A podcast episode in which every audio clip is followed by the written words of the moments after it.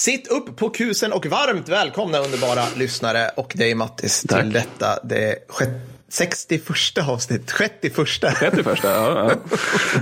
avsnittet. Och det här kommer bli fenomenalt kan jag säga. Det kommer lukta stall, eh, lite gödsel och eh, stora djur kommer det lukta. ja, precis. Hästbajs. Hästbajs kommer det lukta. Mattis, jag har bara en fråga till dig. Bara en. Mm. Kan du rida? Jag har ridit tror jag två gånger i hela mitt liv och det, det, Mm. det, det var i och för sig vuxen ålder men det var med någon sån här liksom, det var någon svensexa där vi drogs ut i någon skog för att Ja. rida. Och det var någon så här 12-åring som gick och dro, liksom ledde hästen medan jag satt panikslagen uppe på och bara ge mig konjak. Hade ni, hade ni ponnyridning på en Ja men typ. typ. Men alltså, ja, vi, kör, vi, körde ut honom i, vi körde ut honom i skogen och liksom pratade hela vägen om att nu blir det vildsvinsjakt här. Liksom. Det var Ja. 300 kilo muskler och illvilja som kommer dundrande emot Ja, dig med vässade "Yeah!" betar. Nej, nej, nej. Och han frågade okay, vad ska vi använda? Ja, du får den här fönsterskrapan. Sen så, men sen så var det, det var en väldigt snäll sen- svensexa. Jag tror det var en av de första vi var på faktiskt. Ja, ja, vad mysigt. Nej, men då kan vi fråga sig så här, alltså, min, min naturliga reaktion om någon frågar mig, det är ju typ så här, ja, alltså hur svårt kan det vara? Ja. Och då kan jag berätta för dig Mattis, att Ja. eh, efter att ha researchat inför det här avsnittet så är svaret, det går ju att lära sig rida rätt fort, men Ja. det finns en, finns en liksom, det finns ingen bortre gräns på skill. Alltså det finns ingen så här, ja, level 60, då är jag klar. Nej, nej, nej, utan det, ja, det är helt mäktigt. Vi ska prata mycket om ridning. Det är ungefär som Counter-Strike med andra ord. Ja, men precis. Jag, jag tror att om, om du lyssnar på det här avsnittet, kära lyssnare, underbara Patreons, tack för att ni finns, ska vi säga också. Inte minst. Nej, inte minst. Om du, om du lyssnar på det här avsnittet och förväntar er att jag ska yra vördnadsfullt om så här svintråkiga sammanslutningar som typ så här tempelriddare Mm. och andra hoper av så här psykopatiska krigarmunkar, så fel avsnitt.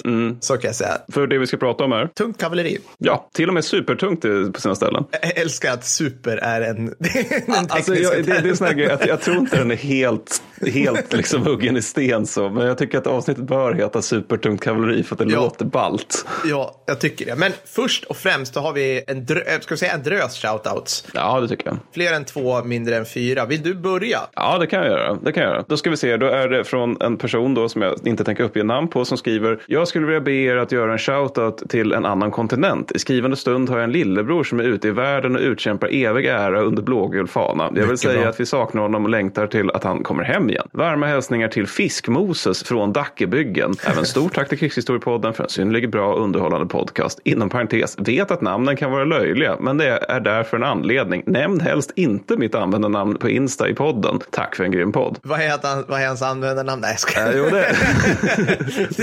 jag vet inte. Hälsar.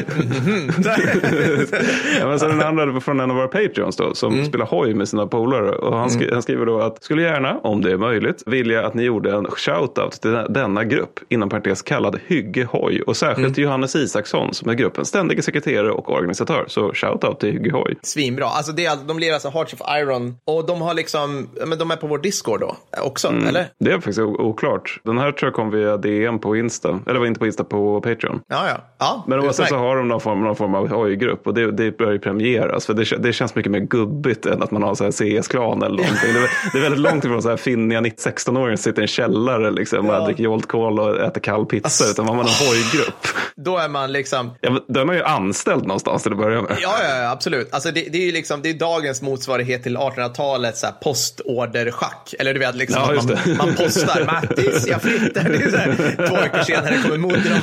Det är typ, typ den hastigheten misstänker jag. Liksom. Oerhört rafflande. Vad är det här? ja, men jag har också en shoutout och det är från en Patreon som hörde av sig direkt till mig på Discord. Det kan man också göra om man är Patreon. Patreon blir man om man går in på krigshistoriepodden.com och sen klickar på Patreon och så vidare. Men då har, man, då har vi en Discord som är som en, ska vi inte förklara det här Mattis? Det är en slags episka chattkanaler där vi pratar om allt möjligt.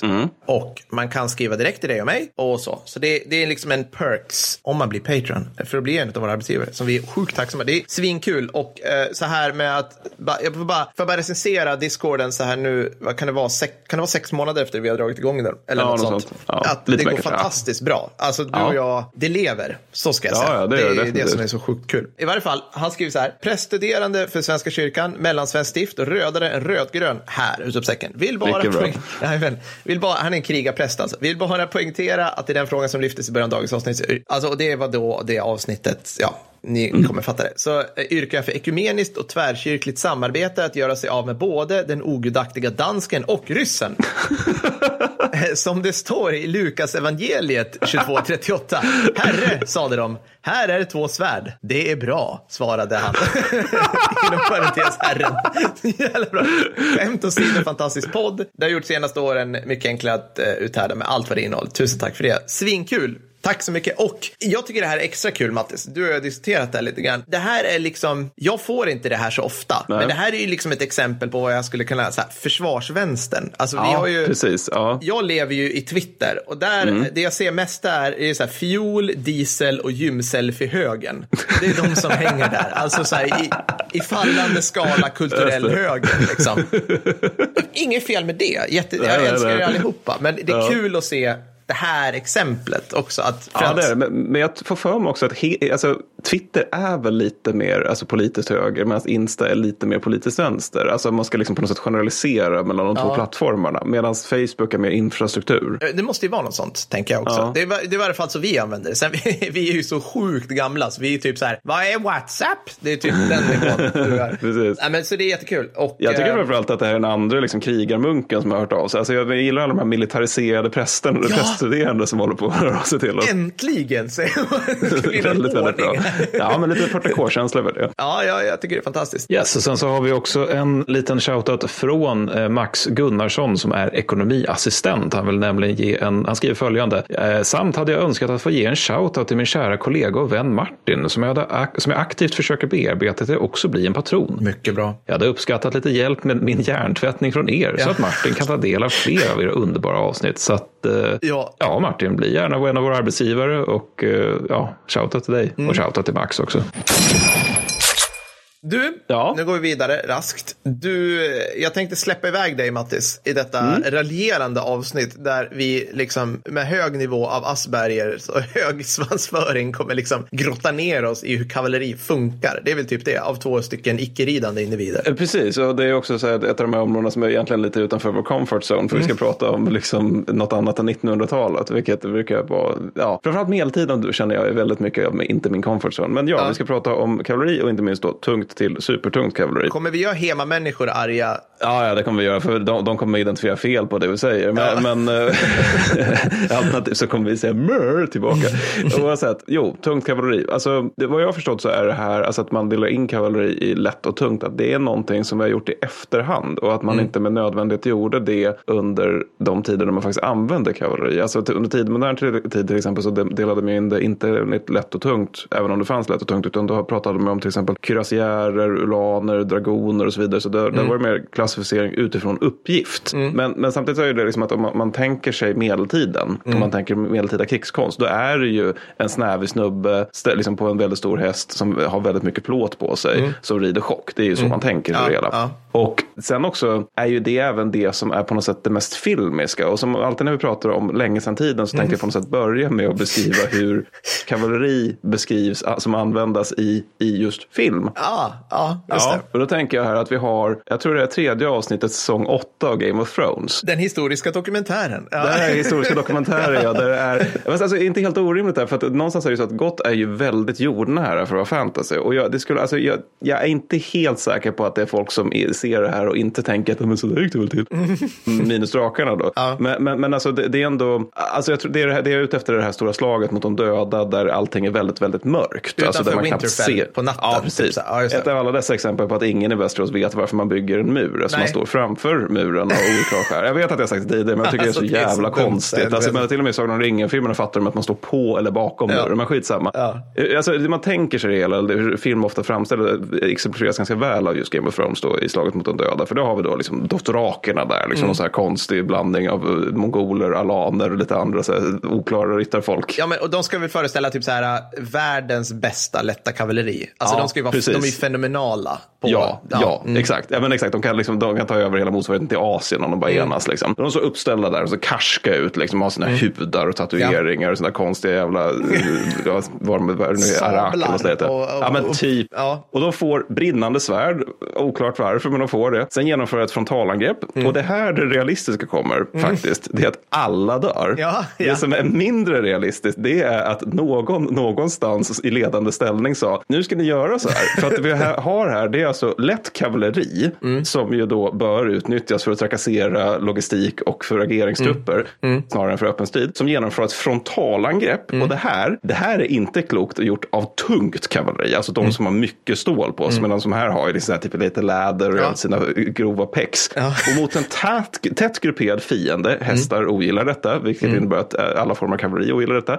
Och den här tätt grupperade fienden saknar förmågan att känna skräck eftersom de är döda. Vilket då är alltså chockverkan A och O för tungt Ja. kavalleri. Ja. Så liksom allt detta innebär ju naturligtvis hashtag säker seger. Ja. Vilket får en att undra så här att okej, när ni pratar om det här med att ni förlorade en fjärdedel av alla krigare under Battle of Winterfell. Ni ska vara glada för det, att det inte var mer. För det, det här är ju bara trams naturligtvis. Och ganska ofta så är det liksom på något sätt så här det skildras i film. Just att det är den här stora formationen med, med, med pollar och eh, tungt rustade personer. Som liksom rider rakt in i en människoskara. Och så var det inte. Och då kan man då fråga sig, hur gick det då till? Och det är, det är väl det vi ska prata om i det här avsnittet framför allt. Svaret på den frågan är också då naturligtvis, eftersom det här är på länge sedan tiden, att det är faktiskt lite oklart.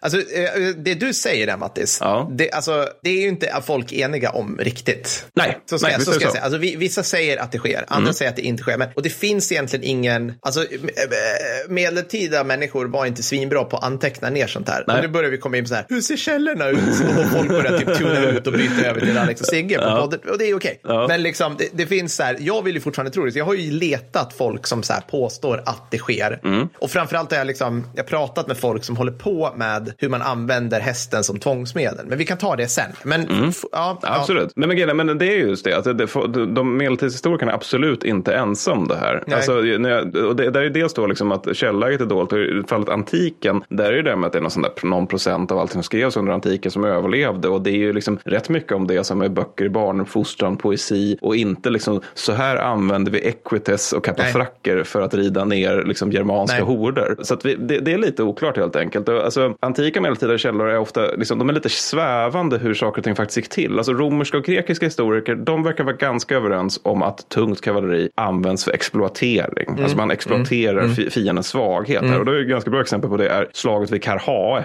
53 före Kristi födelse.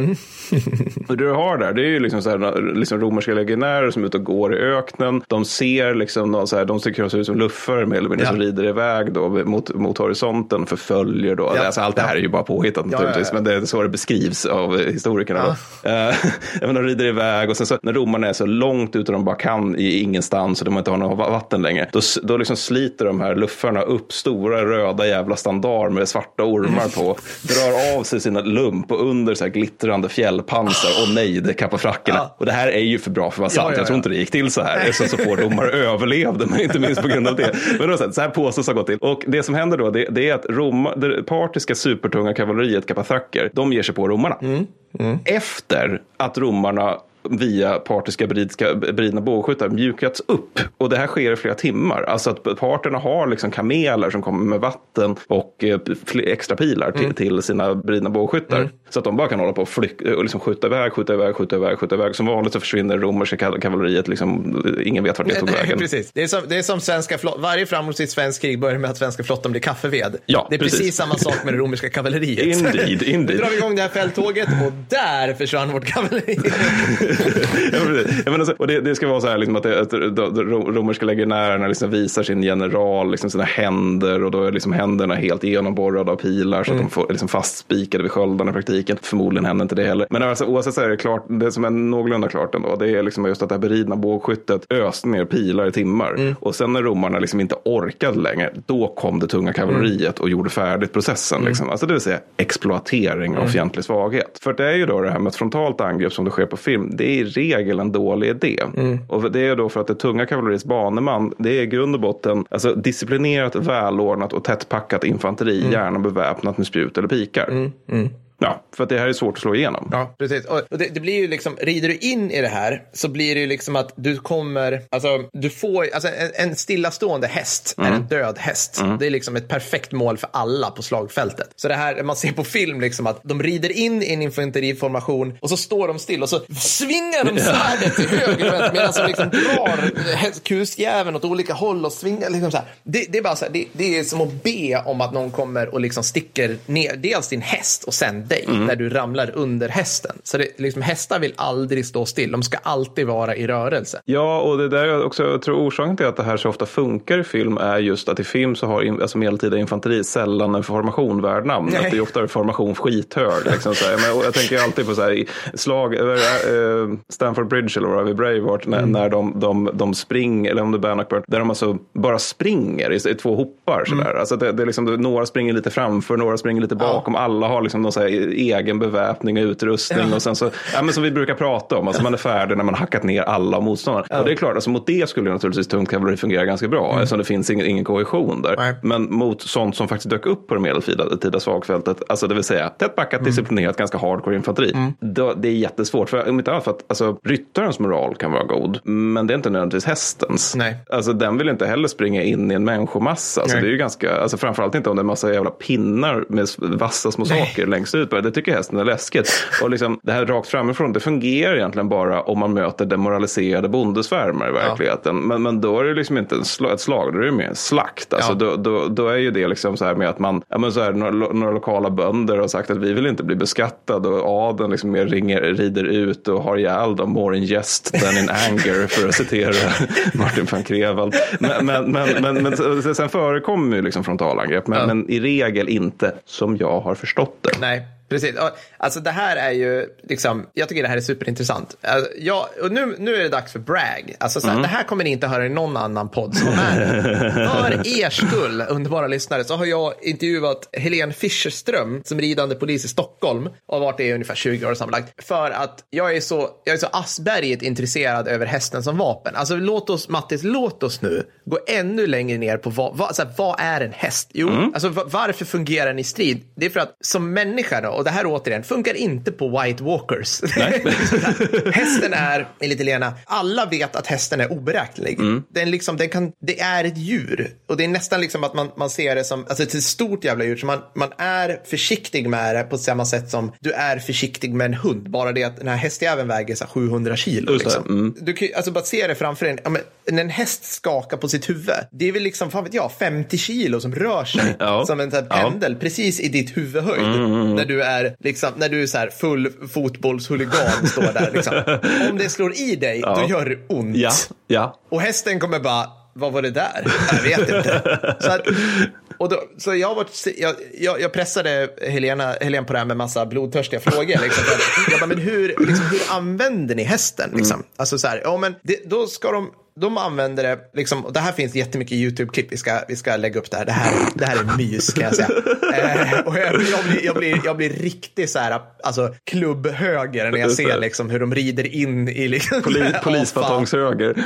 Alltså, jag, åh, så fan. Men de använder någonting som heter skingring. Ja. Och det är precis det du är inne på Mattis. Det här är medeltida taktik. Alltså de, de sätter upp sig på en linje, helst 12 hästar brett. Och sen rider de in i folkmassor. Och det här finns liksom skitballa bilder från helikopter. Och folk kastar sig undan. Ja. Det kan man förstå. Och det spännande är liksom att de nästan inte omformas. Nej. Alltså man ser psykologin bakom det är, du vill inte stå där hästar rider. Nej, förlåt instick, men, men det är väl också att där har du väl också just exemplet på så här, uppretad bondesvärm som jag nämnde tidigare. Eftersom det där är ju just liksom ett gäng fulla liksom AIK-supporters som man ger sig ja, på. Eller ja. något. Ja, men, eller något. Alltså jag har sett vad, vad, liksom, ja, men framförallt då, fotbollshuliganer i olika länder. Du har liksom AFA-människor ja. i någonstans. Du har BLM-folk som är allmänt, de är inte lika aggressiva kanske, men de, de liksom, ja. ja men, men, men, det är väl just det att det inte är disciplinerade personer som står i täta led med sänkta pikar. Liksom. Alltså det... Nej, men exakt, precis. Och jag menar, så att, så att liksom, det här är ju då, om vi kallar kallar, kallar ridande polisen i Sverige för liksom lätt kavalleri. Mm. Så, så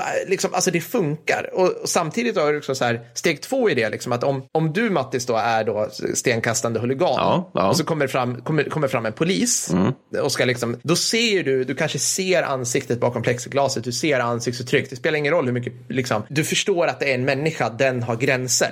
Och du är full uppretad, liksom puttar och håller på, ja, du vet, du, du hanterar kanske den här individen, alltså polisen på något vis. Och du är inte lika rädd. Däremot så hästjäveln, det, det är delvis en häst då, så här.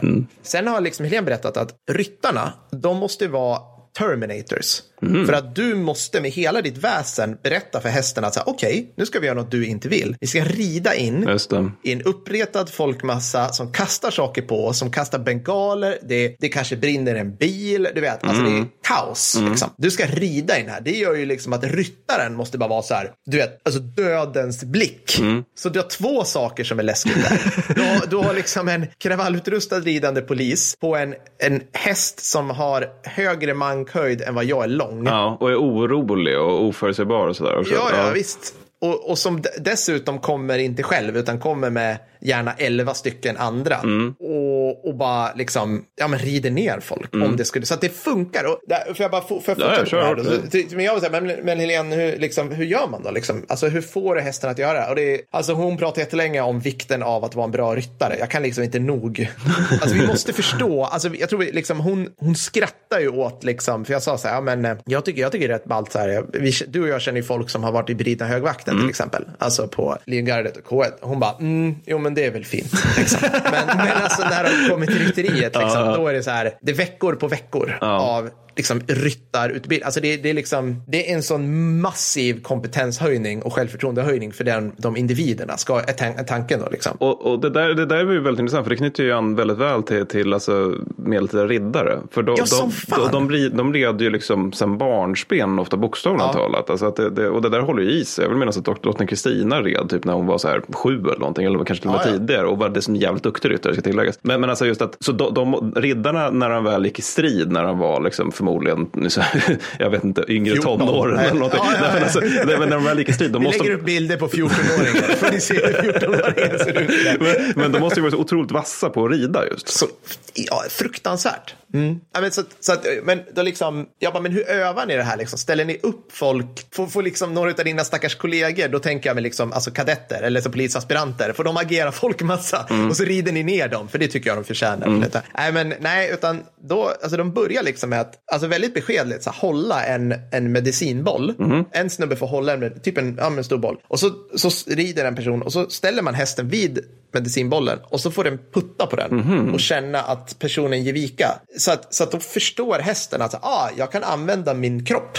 Alltså, så här, jag, liksom, Mm. jag kan göra det. Och, och, det här är svinint, för då har liksom, då Helene berättat liksom att de rider, de rider fatt en tjuv mitt på Östermalm Mm. som sprang och hon bara boxade in honom med hästen. Alltså hon liksom bara smack! Du vet, så, Vadå, så, så, alltså, hon tacklade honom med hästen eller? Ah, nej, hon red inte ner men när hon liksom, de kom in framför. Ja. En kollega kom in då, det var två ridande poliser, så kom in och jag får mig att spärrade vägen för honom, Mm. red upp på trottoaren, spärrade vägen för honom så att han typ stannade. Och sen kom Helene bakom med sin kuse då och liksom styr, alltså, alltså tänk dig att du sidesteppar. Ja, ja, det är det du gör med hästen. Ja. Det är, så- alltså, du sidesteppar med hästen, du trycker på A eller D på tangentbordet. ja, trycker upp honom mot väggen. Och hon bara, lägg dig ner. Och han bara, ja. Och så bara, smack. Man kan när, förstå när, liksom, när de går, ja, men jag kan verkligen förstå. Så de gående poliserna kommer så är det liksom, det är klart. Mm. Typ. Ja, Jag, jag är sjukt imponerad. Det kanske hörs att det här är en av de få tjänsterna jag skulle kunna tänka mig att ha inom polisen. Ja, nej, men det- det- ja, precis. Men- jäkla combat. Men, men det är också väldigt illustrativt med just det vi pratar om. Alltså. För, för, för om man ska återgå till 1300-talet så kan Mm. jag annars rapportera, för, alltså, för just om man, som du beskrev det där med just att man ska ge sig på, på liksom några fotbollssupportrar som Mm. amok, då kan man absolut göra det med kavalleri. Men jag har annars sett ett ganska bra exempel på hur det kan gå till när man är lite väl arrogant, alltså även när man har tungt Mm. Absolut. kavalleri. Och det är slaget vid Courtrai 1302. Ja. Har du hört talas om det Per? Eh, nej. Nej. Nej, men, för jag tror för du har gjort det, för du läste 1300-talets spegel. Ah, okej, det var ett tag sedan. Jag står här och tittar på mig och kräver att bli omläst. Dömande. När vi har pratat mycket medeltid. Ja, jag- Ja, men det är franska hären då som möter flamländska upprorsmän. Och då är det liksom alltså att de franska riddarna de tänker att vi är fransmän, vi Ja. löser ut sånt Ja. här. Det här Ja, ja. är liksom bara så här allmoge, ofrälsemobb liksom, medan vi är den franska adelns blomma. Och de, det de har missat här då är att de möter pikar. Mm. Ja, Det är jobbigt. det är jobbigt. Det är svinlånga spjut för den som inte vet. De hade missat det, de här, så här fyra meter långa pinnarna i skogar som kom. Okej, Ja, mm. ja, det var tråkigt. PGA-fransmän ibland. Ja, men de, de tänkte det väl bara att gå, liksom gå på, liksom. Ja, ja, ja. Men, men de tar sig inte igenom där. Då. Och då är det liksom att flera av redarna kastas av sina hästar.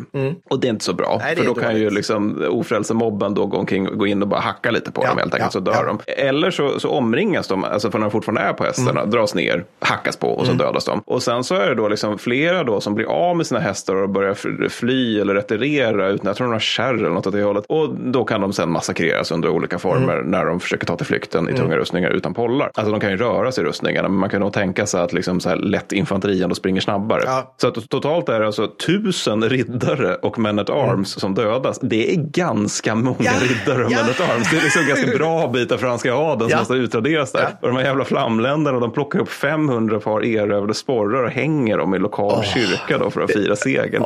Vilket tråkigt nog inte finns kvar. Alltså för fransmän tog tillbaka dem när de sen vann några år senare. Något annat slag. Det är synd, för det hade varit coolt att åka och titta på. Ja. Men, men, men för, för istället så vill man ju använda tung kavalleri under den här tiden. Liksom, alltså, återigen för exploatering. Och då är det ju alltså, flanker och rygg på Mm. Ja. fienden Ja. man vill ge sig Ja. på. För, för, att- för att alltså, återigen, då slipper du det där med att du springer rakt in i en skog av väldigt långa pinnar med väldigt vassa saker längst ut på. För att även detta kan ju mötas av infanteri Mm. som är tillräckligt hardcore och tillräckligt väldisciplinerat. disciplinerat. Alltså att man helt enkelt bara vänder om och så, okej, men nu slåss vi från det här hållet Mm. då. Men är inf- infanteristerna uppbundna av eget infanteri, Mm. då börjar det bli lite klurigt. För då är, liksom, är de redan trötta efter... Alltså du menar att de är uppbundna, du menar att de, de strider? mm, Ja, precis. Att de är infanteri? indrag... ja, precis. Ja, ja, ja. Mi- Mitt franska ädla eh, infanteri håller på att slåss mot det kätterska eh, engelska infanteriet. Ja. Och så kan mina ädla riddare dundra in i engelska infanteriets flank. Liksom. Så gör jag i Total War jämt. Ja, och det, det är rimligt att göra det där. Det, Alltså typ så här, ja, ja, de slåss mot varandra så rider jag runt med kavalleriet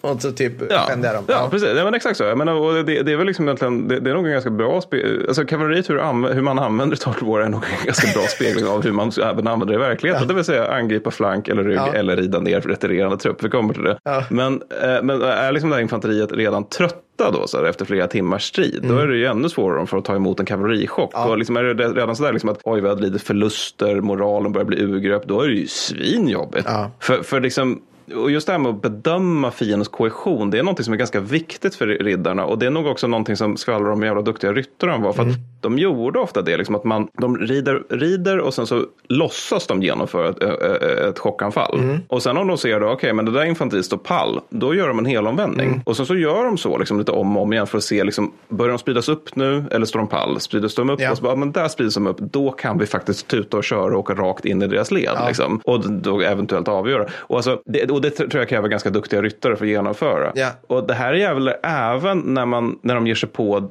alltså annat kavalleri. För det är ofta det som är tunga kavalleriets huvuduppgift. Att ta död på fiendens Ja, tunga kavalleri. ja. Så att man kan börja leva röd, rövare bland, bland infanteristerna. Liksom. Och det är först efter det som man ger sig på infanteri. Men även just när man slåss mot andra kavallerister så är det just de här skenanfallen. är någonting som tydligen ska förekomma ganska ofta. Att man gör dem om och om, om igen för att se, kommer de andra fega ur Mm. Ja, nu? det, det heter väl volta fass eller något sånt där. Ja, precis. precis. Det, det där, jag, läste om det där, alltså, bara ett instick. Alltså, vi, vi måste nästan stanna här Mm. och lägga in någon ljudeffekt alltså, som är så här, "Ah", för att det är så jävla svårt. Look at my horse, my horse is amazing. Alltså, jag, Ja. alltså så här, jag läste, liksom, okej, så att din häst som du rider på, som du känner minutiöst, du ska förstå, du, håller, du styr honom med en hand, för du håller ditt vapen i det andra, Mm. sköld. Du ska hålla exakt rättning med de övriga i din division, Mm. liksom, som du rider med. Hästen kan, in, kan bara göra vissa saker när den, när den har rätt, alltså framsteg. Jag vet inte faktiskt, jag tror det heter cant eller något sånt där på Mm. engelska. Det vill säga att den kan inte göra de här vändningarna om den har fel rytm i hovarna. Mhm, Så du måste känna av det hela tiden, att Mm. den ligger rätt. Sen ska du veta, du ska, du ska läsa av din egen häst, dina sidoryttare, Mm. truppen framför dig. Och då också lyssna till kanske trumpetsignaler och din, alltså din chef i din liksom, division. Och allt detta över liksom väldigt dominerande stridslarm av massor med hästar hästar och män som skriker Ja. och väsnas liksom. Ja, precis. Ja, alltså ja. nivån på liksom simultanförmåga, alltså det är som att, jag vet inte vad man skulle jämföra med. Jag, jag, liksom, jag sitter och tänker på liksom, alltså någon form av så här stridspilotsnivå om, Mm. om liksom ett jas är ett levande väs, att du skulle rida på drake. Alltså jag, jag, liksom, jag kan inte komma på, jag satt och skrev så här, "Åh, det är som stridsvagnar. Nej, det är det inte. Alltså det är liksom... Nej, för att alltså strids, stridspiloter och stridsvagnschaffisar, de har ju, alltså, de har ju gått i skolan och lekt och sådär. Och, sen, och de, de har ju liksom kanske haft något år där de åkte iväg till Thailand för att finna sig själva. Ja. De, de har liksom gjort saker innan de började utbildas till att bli liksom duktiga soldater. Ja, ja. Men en riddare, det är ju typ så här att ja, men nu ska vi se, nu döper vi honom med här är hans svärd. Ja. Alltså att de, de gör ju det här hela livet. Ja, Alltså de måste ha varit sin alltså, I alla fall de som verkligen gjorde det på allvar. För det fanns väl säkert undantag. Men, men alltså, de måste sin åt helvete vassa. Alltså, Ja. menar, de måste ju vara otroligt duktiga fäktare till exempel. Ja, alltså jag kan inte ens... Alltså, ju mer jag läser om det här, desto mer imponerad blir jag. Och sen liksom samtidigt också hur dåligt ledda de var bitvis. Alltså, det, här är lite grann, det här är lite grann som att liksom så här, Satan var bra, liksom nionde eller sjunde tyska pansardivisionen var. Synd bara att det var Hitler som fattade order. För sen läser man om så här, korståg nummer ett till nio. Och man bara, oh my god. Så här, ni borde ha lärt er vid korståg sju att inte slåss i kärr när det är 45 grader varmt i norra Egypten mot Just det. mamlucker. Eller Ja. alltså, du vet, det, är liksom, Ja. alltså, det är pinsamt dåligt ledda ibland. Att de, de, de, som har, de som har slagits här i hundra år nog vet ungefär hur man gör. Liksom. Alltså Ja, men liksom de- typ så. ja. så, att, så att, och det där, det där är också en avstickare här för att jag känner att jag måste ändå leverera lite så här riddarmys till Ja, folk. men gör det. Okej, Kör så, hårt. sen kan jag berätta så här. Kan vi få in det storsvenska här nu? Ja. För att det är tack vare vikingar som Europa utvecklade en beriden krigarkast. Va? Det var för att bemöta våra strandhugg. Ja, Ja, jag har hittat en författare som påstår det här. Vilket Då jag nu kommer så. ta som sanning. Ingen får säga emot. Nej, men helt ärligt, alltså, det, medeltida samhället fanns ju till för att producera riddare av Mm. olika anledningar, helt enkelt. Och vi ska ju också komma ihåg att liksom, stående beväpnade styrkor vi är lika med riddare. Så att Mm. alla, liksom, alla de här, och de kan, de har oftast en häst, men hästen kan vara bara ett strategiskt transportmedel. Mm. Alltså det, det är stora delar av liksom tidig medeltid och liksom, vad ska man säga, senantiken där, liksom Rom, Västroms fall och sådana här saker. Så är det liksom, det är, alltså hästen är till för att ta sig snabbt till ett ställe, sen sitter du av och sen ger du dig på de här normanderna eller vad fan det är, eller vikingarna som kommer att slåss mot dig helt enkelt. Så det handlar mycket om det, men, men liksom framför allt så var det i och med sönderdelningen av samhället, liksom Pax Romana försvann, så är det liksom, min uppfattning är att man använde hästarna mycket bara för att ta sig till där det var, där det var dags att, att eh, fightas liksom. Ja, men inte annars är det ju också för att en häst är ju dyrt idag, som du konstaterade i försnacket. Ja, alltså oh my god vad dyrt det måste ha varit med hästar då. Och, alltså, och det, och det, jag läste liksom, jag läste här redogörelser, alltså, för, för att så här är det också som, som man inte tänker på, det är att du kan bara använda en häst som stridshäst under några år. Just det. För Mm. den ska ju ta liksom, den, den bär ju svinmycket på sin, alltså de, man har räknat på att den, bär, den kan bära upp till 30 procent av sin kroppsvikt på ryggen. jävlar. Ja. Ja, om du är liksom stor och, det, och, så, och, liksom, och rid, alltså hästar på den tiden, de var ju typ 1,40 i mankhöjd. Så de var mycket, de var mycket, ja, 30 centimeter kortare i mankhöjd än eh, random polishäst som är liksom 1,70 typ. Något sånt där. Så att det var liksom, och då, då måste du ha ett satans, du måste ha en satans hästproduktion för att ens kunna liksom rotera kusar. Och bara det kostar ju asmycket idag. Alltså, Ja, men, för- och idag när det är så att ens sjuåriga dotter säger jag vill ha en häst och man är så Ja. lite bara, ja vad fan, då måste man ju ta ut ett nytt lån på huset. Liksom. Alltså, det, Ja. det är så fruktansvärt, alltså, jag menar, det, det, det är inte så Ska konstigt. vi att- köpa en bil eller ska vi köpa en häst? Ja, så på medeltiden där liksom så här nätt och jämnt att man producerar ett överskott som är, är så bonde. Det måste ha varit lite stökigt då att göra många hästar.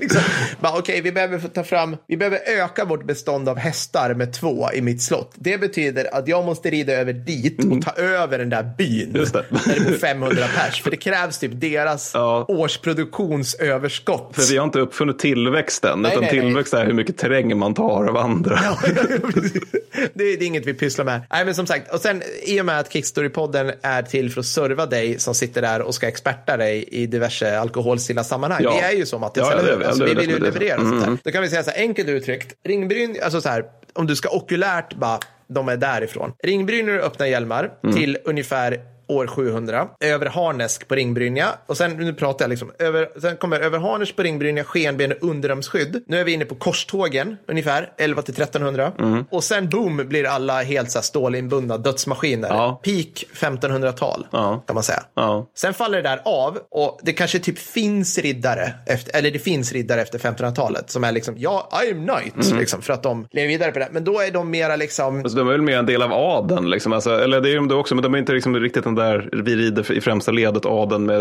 eller det är de väl också, men, men det, är inte, det är inte riddaradel på det sättet liksom, man tänker sig. För, för alltså, typ, under 30-kriget har du kürassiärer. precis, jag tänkte säga Och de, har, de, de ser ju ut ungefär som, som riddare, fast de är lite lättare. Alltså de har lite mindre rustning och de har pistoler också, vilket för sig ser ganska hardcore ut. Men, men ändå. Ja, men och sen har du ju, jag tror, eh, drabanterna under Kalle Dussin Mm. har ju någon form av harnesk. Mm. Så att, men där liksom, där liksom försvinner det vi tänker oss, liksom, ja, alltså riddare. Det är liksom, det pikar någonstans där 1500, det är sista gången man använder det. Sen bara är det, det är för dyrt. Mm. Alltså det, det är helt, det är väl liksom, vad ska vi ta för exempel på det? Ja, men F22. Ja.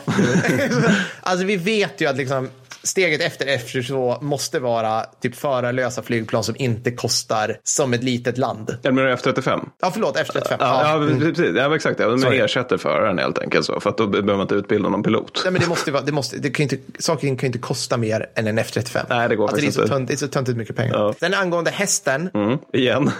är jag, ja, men jag kan inte släppa det här. Nej, men jag tycker det är så roligt nästan, Ja, men jag, så här, så att, så att, bara, bara ta det här, sadeln, sadeln kom från eh, nomaderna, Mhm. liksom, ungefär. Och på 100-talet så hade romarna sadeln. Sadeln är viktig. Mm. Ja. Den är viktig, för att där, där liksom, det, den, om du rider chock mot någon jävel och spetsar någon med ditt spjut, Mattis, då är det sadelns rygg som gör att du inte bara flyger av hästen. Just det. Det, där, det kan höjda sadlar och snart kallas det väl va? Mm. Precis, det är något sånt där. Men inga stigbyglar. Och det här, nu kan ni också experta er om ni vill prata om historia. Mm. Alltså nu blir det metahistoria. För att på 60-talet, då var all the rage bland historikerna att säga så här, stigbyglarna, uppfinningen av stigbyglarna gjorde att liksom allt fanns. Alltså, så liksom, de drog en linje från liksom, stigbyglar till riddare och sen liksom väst, västliga civilisationens triumf över världen. Alltså bara, så, här, så var det inte. Alltså, Just det, men det där, det, just, det där läste jag om när jag pluggade historia. Det, för det där dök upp typ 62 eller någonting. Stora stigbygelkontroversen. Exakt, Vilket var en precis. stor historisk dust. Ja, jag älskar vad man, vad man ramlar över i liksom det här aspiga eh, historieskrået nu som jag anser mig tillhöra. Nej, men precis. Sen kom stigbyglarna i varje fall, som inte var så viktiga som vi tror, tillsammans med en miljon invaderande pilskjutande steppnomader. Just det. Och då är det ungefär hej då Västrom.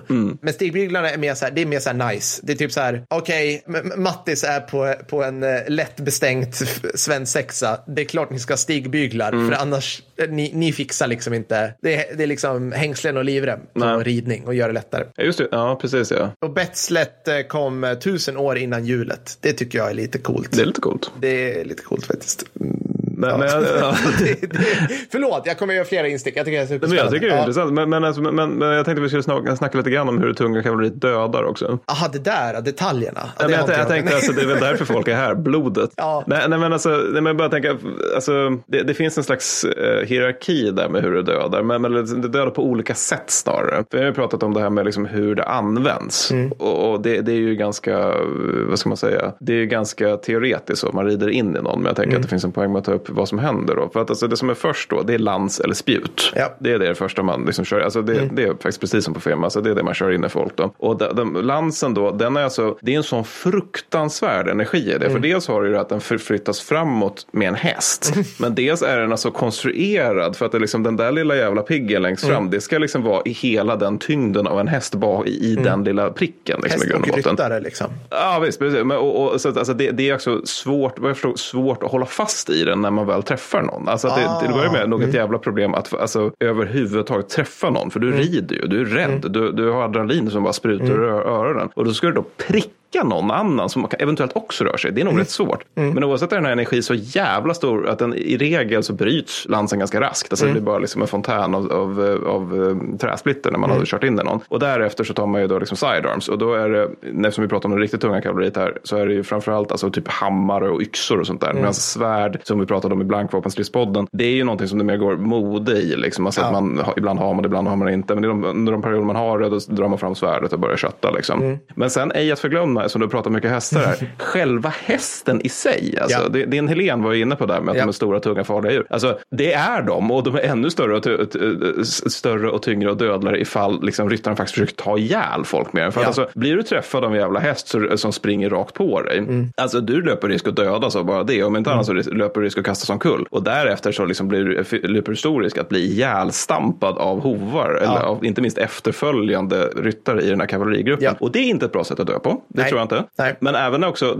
fick jag lära mig, vilket jag inte tänkt på, men det är klart det är så. Alltså att om du står där då i din formation, du ser liksom de här jävlarna som kommer brakandes mot dig. Mm. Och sen så har, har du ändå så här sinnesnärvaro nog att nu drar jag upp ett spjut och kör det rakt in i den här hästen. Mm. Alltså hästen slutar ju inte röra på sig bara Nej. för att den är död eller skadad. Utan alltså bara själva hastigheten gör ju att hästen, alltså hästen har fortfarande en rörelseenergi, Ja. liksom även som död. Så att det liksom det här hästkadavret kommer plöja vidare genom formationen och döda och såra ytterligare av di- dig och dina fränder. Liksom. Så att alltså det, det är bara häst, en död, till och med en död häst kan fortsätta en bra bit igenom en infanteriformation. Och det där, där återigen så här, Hollywood gör inget bra jobb utav det där. För där är det ofta typ att de chargear och så, så fort så fort någon spjutar en häst, Mm. Ja. då gör den så här.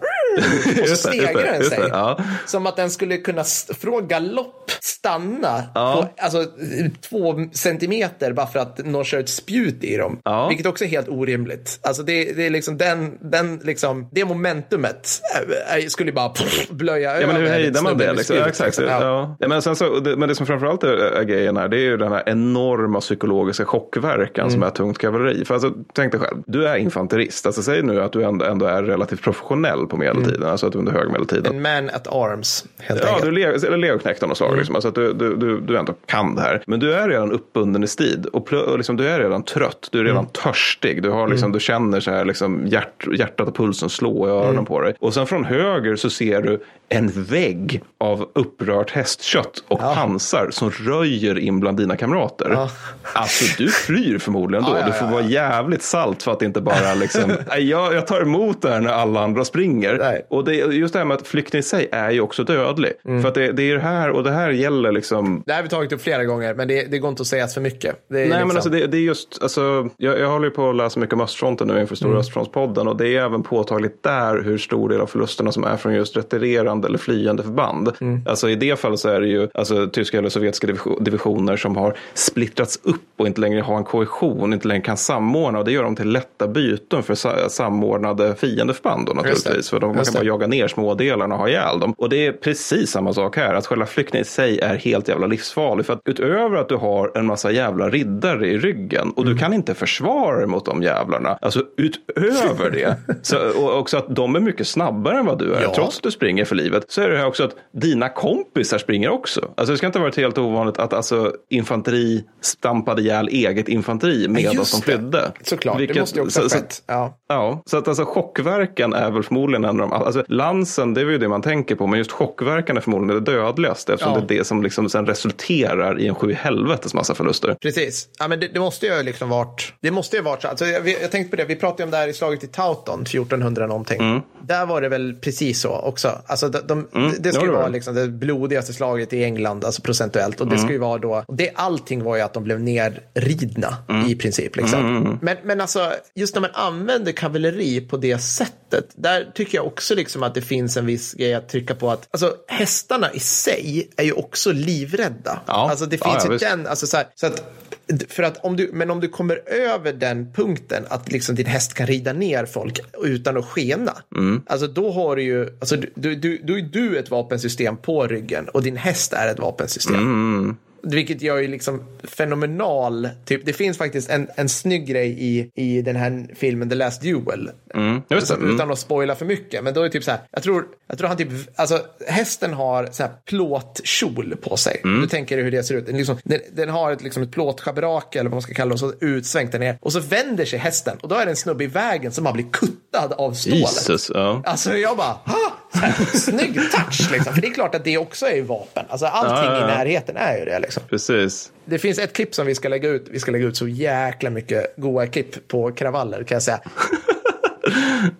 vi, det är nog den bästa bilden jag sett på hur det ser ut när någon blir nedriden. Mm. Och det, det är inte med mening. Det är det som är så sjukt. För att det är en, eh, en brittisk ridande polis som vars häst skenar springer in i en trafikljus. Mm. Så ryttaren blir nedslagen från hästen. Det kan, det kan ja, jag, hopp, jag tror hon överlevde så. Men hästen drar. Mm. Och så är det någon som filmar hästen när den bara plöjer över någon annan. Alltså någon Jesus. sån här liksom i galopp. Och då, då ser man liksom, där tycker jag det är rätt effektfullt. Alltså du ser hur mycket, hur lite hästen bryr sig. Den Mm. är ju i panik såklart, men det spelar liksom ingen roll. Den hade ju kunnat, alltså den rider ju bara rakt på. Och en människa är inte så tung. Nej. Det är som att du skulle tackla ner en femåring. Det just skulle knappt, det skulle liksom inte avstyra din färd. Nej, nej, nej. vis, liksom. Nej, det är fan, Tackla ja, inte det- ner femåringar. Nej, nej, liksom, inte det. Det- testar inte det, det, det är dåligt. Men, men, eh, men det går.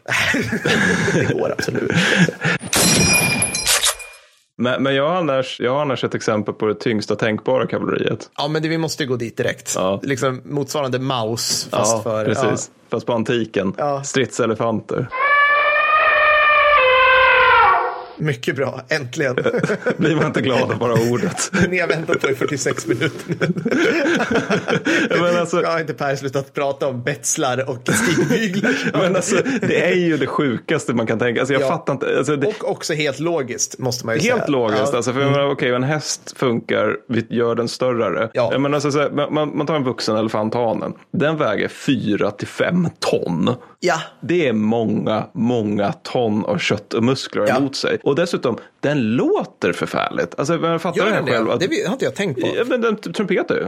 Ja, alltså de, de, ja, de, de, de gör ju det när de är rädda eller arga. Liksom, och fattar Ja. då att vara liksom så här romersk legionär så här uppstampad ur södra Italien någon gång på 200-talet före Kristi födelse. Bara, Det där är en demon. Ja, alltså, det, ja, måste, ja. det måste ju varit den känslan. Liksom. The gods are angry!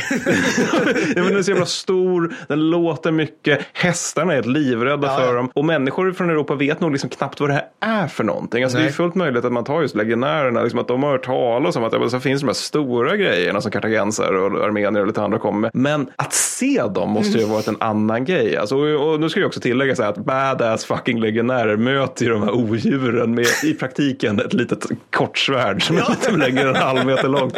Alltså de hade ju lite annat också, men vi måste göra ett avsnitt om legionerna någon gång för Ja, det är så ja. hardcore så det finns inte. Ja. Men stridselefanter är i grund och botten de tunga kavalleritagarna till sin extrem och här kan vi nog prata om just supertungt kavalleri utan Mm. dåligt samvete. För alltså chockverkan är ju då som ovan då enorm på grund av storlek och läskighet och sen Mm. så om en elefant trampar på dig Per Ja, då dör du. Jajamensan. Det är liksom inte det här med att flera hovar liksom långsamt hamrar ner dig i jorden så att det blir köttfärs. Utan här är det liksom en rejäl så, stämpling. Ja. Och sen finns inte Per Wallin längre. Nej. Och det är nog en nackdel. Och flera kulturer beväpnade som sina elefanter. Och det är ju här någonstans det börjar bli liksom så här antik steampunk på riktigt. Ja, men liksom det, det, det är väl så här, de här mam, äh, mastodonterna i Sagan om ringen. Typ så här. Ja, Alltså, ja det- alltså, de är ju faktiskt inte så far off. För att grejen Nej. alltså att vissa indiska riken, de, de körde elefantsvärd. Vilket alltså är att du har svärd som du fäster på betorna.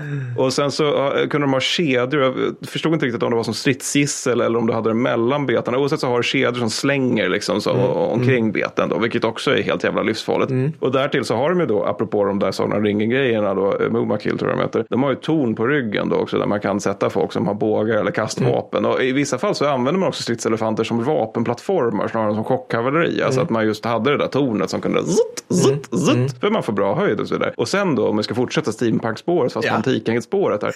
Det är ju det att de ibland har rustningar. Så det du har nu är, alltså, det är en upp till fem ton tung bäst som Ja. är täckt i metall. Och som också är full. är de fulla? Ja, de är brusade. För att Mycket bra. ibland så, eller inte alla, men ibland så brukade man ge stridselefanter vin innan det blev batalj för att de skulle komma i stämning lite grann. Så det är fem ton tung metallbett som också är brusad och vinsur. Liksom. Funkar det på människor så funkar det på djur. Ja, det måste så, göra det. är klart man är full innan man ska liksom in och hugga folk. Det låter ju helt rimligt. Liksom. Ja, nej, men så, alltså. så att eh, européerna de möter de över Gaugamella redan 331 före Kristi födelse. Då. Mhm. Och sen finns de utspridda i lite olika delar av den antika världen. Alltså Mm. till och med Julius Caesar ska ha haft den då när han invaderade de brittiska öarna på Mm. 50-talet eh, före Kristi födelse. Men, men det nog, var nog mer lite propagandagrej. Men då ska han ha haft en med sig då. Och romarna de hatade de här grejerna på grund av dåliga erfarenheter från Pyrrhus och, och Hannibal. Då. Så att de hade, vilket jag tycker är helt fantastiskt, vapeninspektörer. Vapeninspektörer. Ja, alltså Hans Blix. Fast Ja, i ja. Ja, fast på antiken. Som alltså fick åka runt till grannriken och titta, har ni några stridselefanter? De bara, nej, nej, absolut inte. Vad har ni bakom den där dörren? Stridselefanter. och sen så fick den här då, alltså jävla Hans Blix då, fast i tåga. Han fick gå in då och skära av hälsenorna på elefanten så att de inte skulle kunna, ja det är synd om elefanten, så att de inte kunde användas för strid. Och det här i sig är orsak till varför vi borde göra mer om Rom. För de hade vapeninspektörer. Men att, allt det här är fantastiskt. Man kan fråga sig varför har inte svenska armén Ja. 50 elefantbataljonen med liksom en granatspruta på ryggen och eh, KSP 58 i varje bete. Varför är det inte så Per? Jag vet inte. Jag har inget att säga. Kan vi bedöna in det här nu från alla cirkusar som, ja, som borde bara läggas ner ändå? För att det är Ja, fucking precis. cirkus. Det är bara läskigt. Liksom.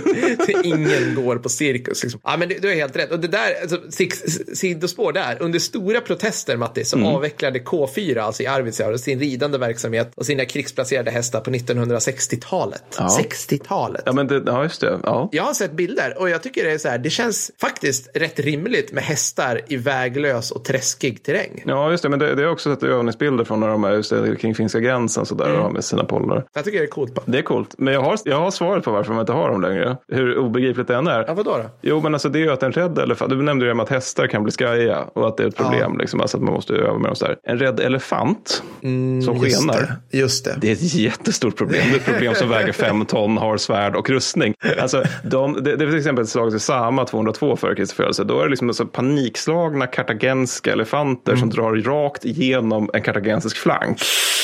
Det blir inget bra. Det blir inget bra. Nej, Det blir inget, inget nej, bra. Nej, nej, nej. Och grejen är att du kan redan under antiken skrämma dem helt enkelt. Mm. Alltså, det är ofta så man gör hellre än att gå i strid med dem. För att det är ju naturligtvis en dum idé att göra med ett jävla gladius. Kan vi få höra elefantsången ifrån Djungelboken nu? Kompani, sjung om! Här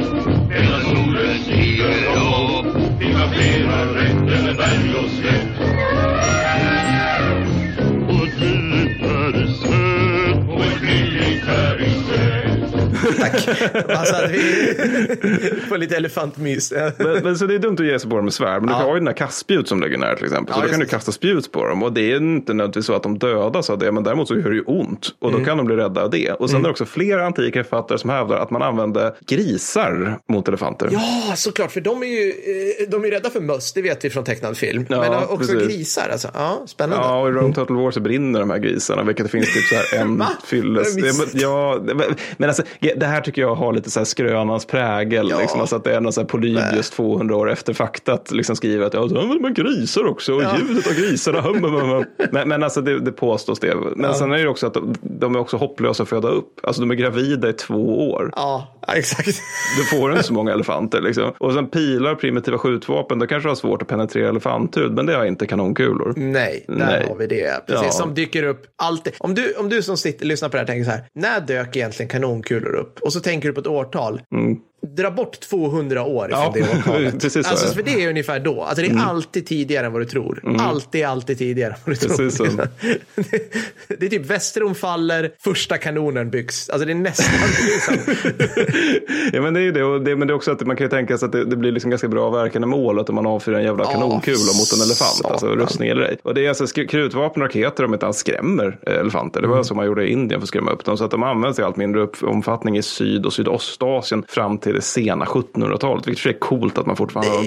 Men vid det laget var det också mycket så här liksom att Raja, X, Y och Z vill visa vilken stor och mäktig man Mm. Ja. han är genom att ha liksom, ja men så här, jag har 20 stridselefanter. Ja. Kommer du använda dem? Alltså jag har också kanoner. Ja, ja, ja, Ja, så det, det, nej, det kommer jag inte göra. Men de är här i stallet liksom. och De är väldigt stora och vackra. Men, men du vet ju att Indien som land har inte släppt det här med att elefanter är badass. Nej, det har de de har ju alltså byggt helikoptrar i form av elefanter. Alltså de har byggt elefant Det här ska vi lägga upp på bild. Det, det ser helt bananas ut. det, det låter inte aerodynamiskt korrekt Nej, skulle jag nej, säga. men det, det var typ såhär, vi ska fi- jag, alltså, jag, jag minns inte exakt, men det är typ såhär, vi ska fira någonting. Du vet, något jubileum. Det här är typ 60 eller 70-talet. Att vi, typ, vi kanske har vunnit över Pakistan i något, någon grej. Ja, det tenderar de att göra. Då bygger vi en elefanthelikopter. Så en helikopter som ser ut som en elefant. För att vi är i Indien. Och det är elefanter. Ah, ja, det var roligt. Men du, hade de, en grej jag undrar, hade de alltså afrikanska och indiska elefanter? Var, liksom, var vad användes afrikanska, eller var man inte så långt Ja, söder? karta- kartagensarna gjorde ju ja, det. det måste, ja, just det, såklart. såklart. Mm, Men för att det fanns ju skogar och skit på, eh, som det kunde finnas elefanter i då. Jag mig att de är mindre än de indiska. De in- indiska stora monster liksom som... som Men så är eh, det inte nu.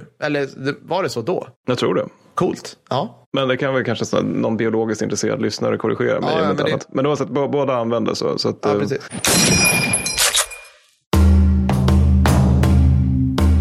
Gösta Hannibal hörde av sig innan det här avsnittet och vill meddela att det fortfarande går att köpa krigselefanter. Jajamän, han har ett gäng afrikanska exemplar som passar utmärkt som vakthundar och avskräckningsverktyg för småbuset i till exempel din radhusträdgård eller samfällighetens grönyta. Du köper dem i Göstas butik, slash café, slash verkstad, slash hotell, slash massagesalong på en av turiststränderna i Tripoli, där även hans kusin, fjärde systern och en av svågrarna kan modda din V70 till en technical, till exempel. Ja, de har kvar lite guns från Gaddafi-tiden och därefter. Mattis, jag har hört att du kallas för The Rönninge Warlord efter att fått några RPG-er svetsade fast på Kias tak. Är det sant? Jajamän. Ja, ni hör. Missa inte chansen att visa vem som bestämmer i villakvarteret.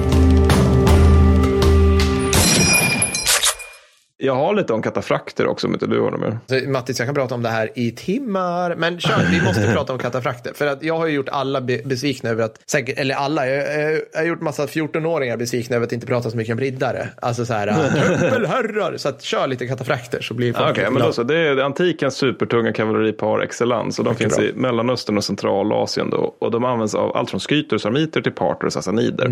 Skyter. Ja, du gillar verkligen skiter, eller snarare du gillar och ogillar skiter. Men de tenderar att avse, alltså det avser, själva begreppet avser både liksom, alltså kavalleri där ryttare och häst är helt klädda i rustning. Och ibland är det liksom hästens bog och huvud och ibland, som är skyddat och ibland är det hela pollen. Och det uppstår först egentligen när man lyckas avla hästar som var starka nog att bära mycket och det kan man förstå för bara ryttarens fjällpansar väger sådär 40 kilo. Shit alltså. Ja. Vilket är mycket. Och mest kända är förmodligen partnerna. Då. De strider dels med en kontos som är ett långt spjut i askträ. Och sen så påstås det här askträet kunna då eh, spetsa två män i en stöt. Det är så här återkommande i böckerna. Jag kollade i de här, att det är alltid det här, två män i en stöt. Två- det, två män, Ja. ja. Ja, alltid just på två män. Ja. Och sen så har de en backup i form av klubbor och svärd. Men sen är det ju som alltid då att parterna är ju liksom så här, de är ju så här eh, måndagsexemplar, alltså fattigmansversionen av det som kommer sen, det vill säga sassniderna. Yes, där kommer de igen. Så alltså, vi måste ha ett avsnitt om bara perser generellt. Alltså man blir... Ja, alltså, vi börjar bli så här liten eller Ja, jag tänkte säga det. Ja, det. Till och med under Iran-Irak-kriget avsnittet så kunde vi liksom inte komma ifrån hur badass iranska flygvapnet var. Nej, alltså vi, vi, kan vi inte bara ta in någon, någon iranier bara, så får de stå klä skott för alla våra fördomar och våra tankar. Det är just att vi har positiva fördomar också. Ja, men det var nej, men, så, så, vi kan prata perser så jag behöver iranska klacken helt enkelt.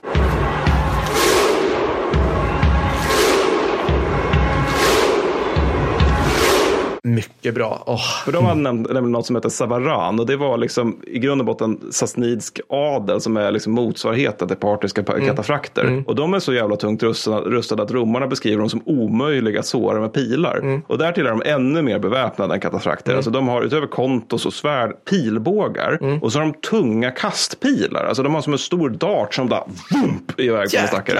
Och den romerska lösningen, vet du vad det var? Throw more men at it. Ja. For every legionary that dies there is a thousand Nej, jag vet inte. Ja, men nästan det. Nästan det. För den romerska lösningen ska då ha varit att man kastar sig in under den framstormande hästen Ja. och sen hugger man mot magen medan man kastar sig. Ja, men det här ser jag inga problem med överhuvudtaget.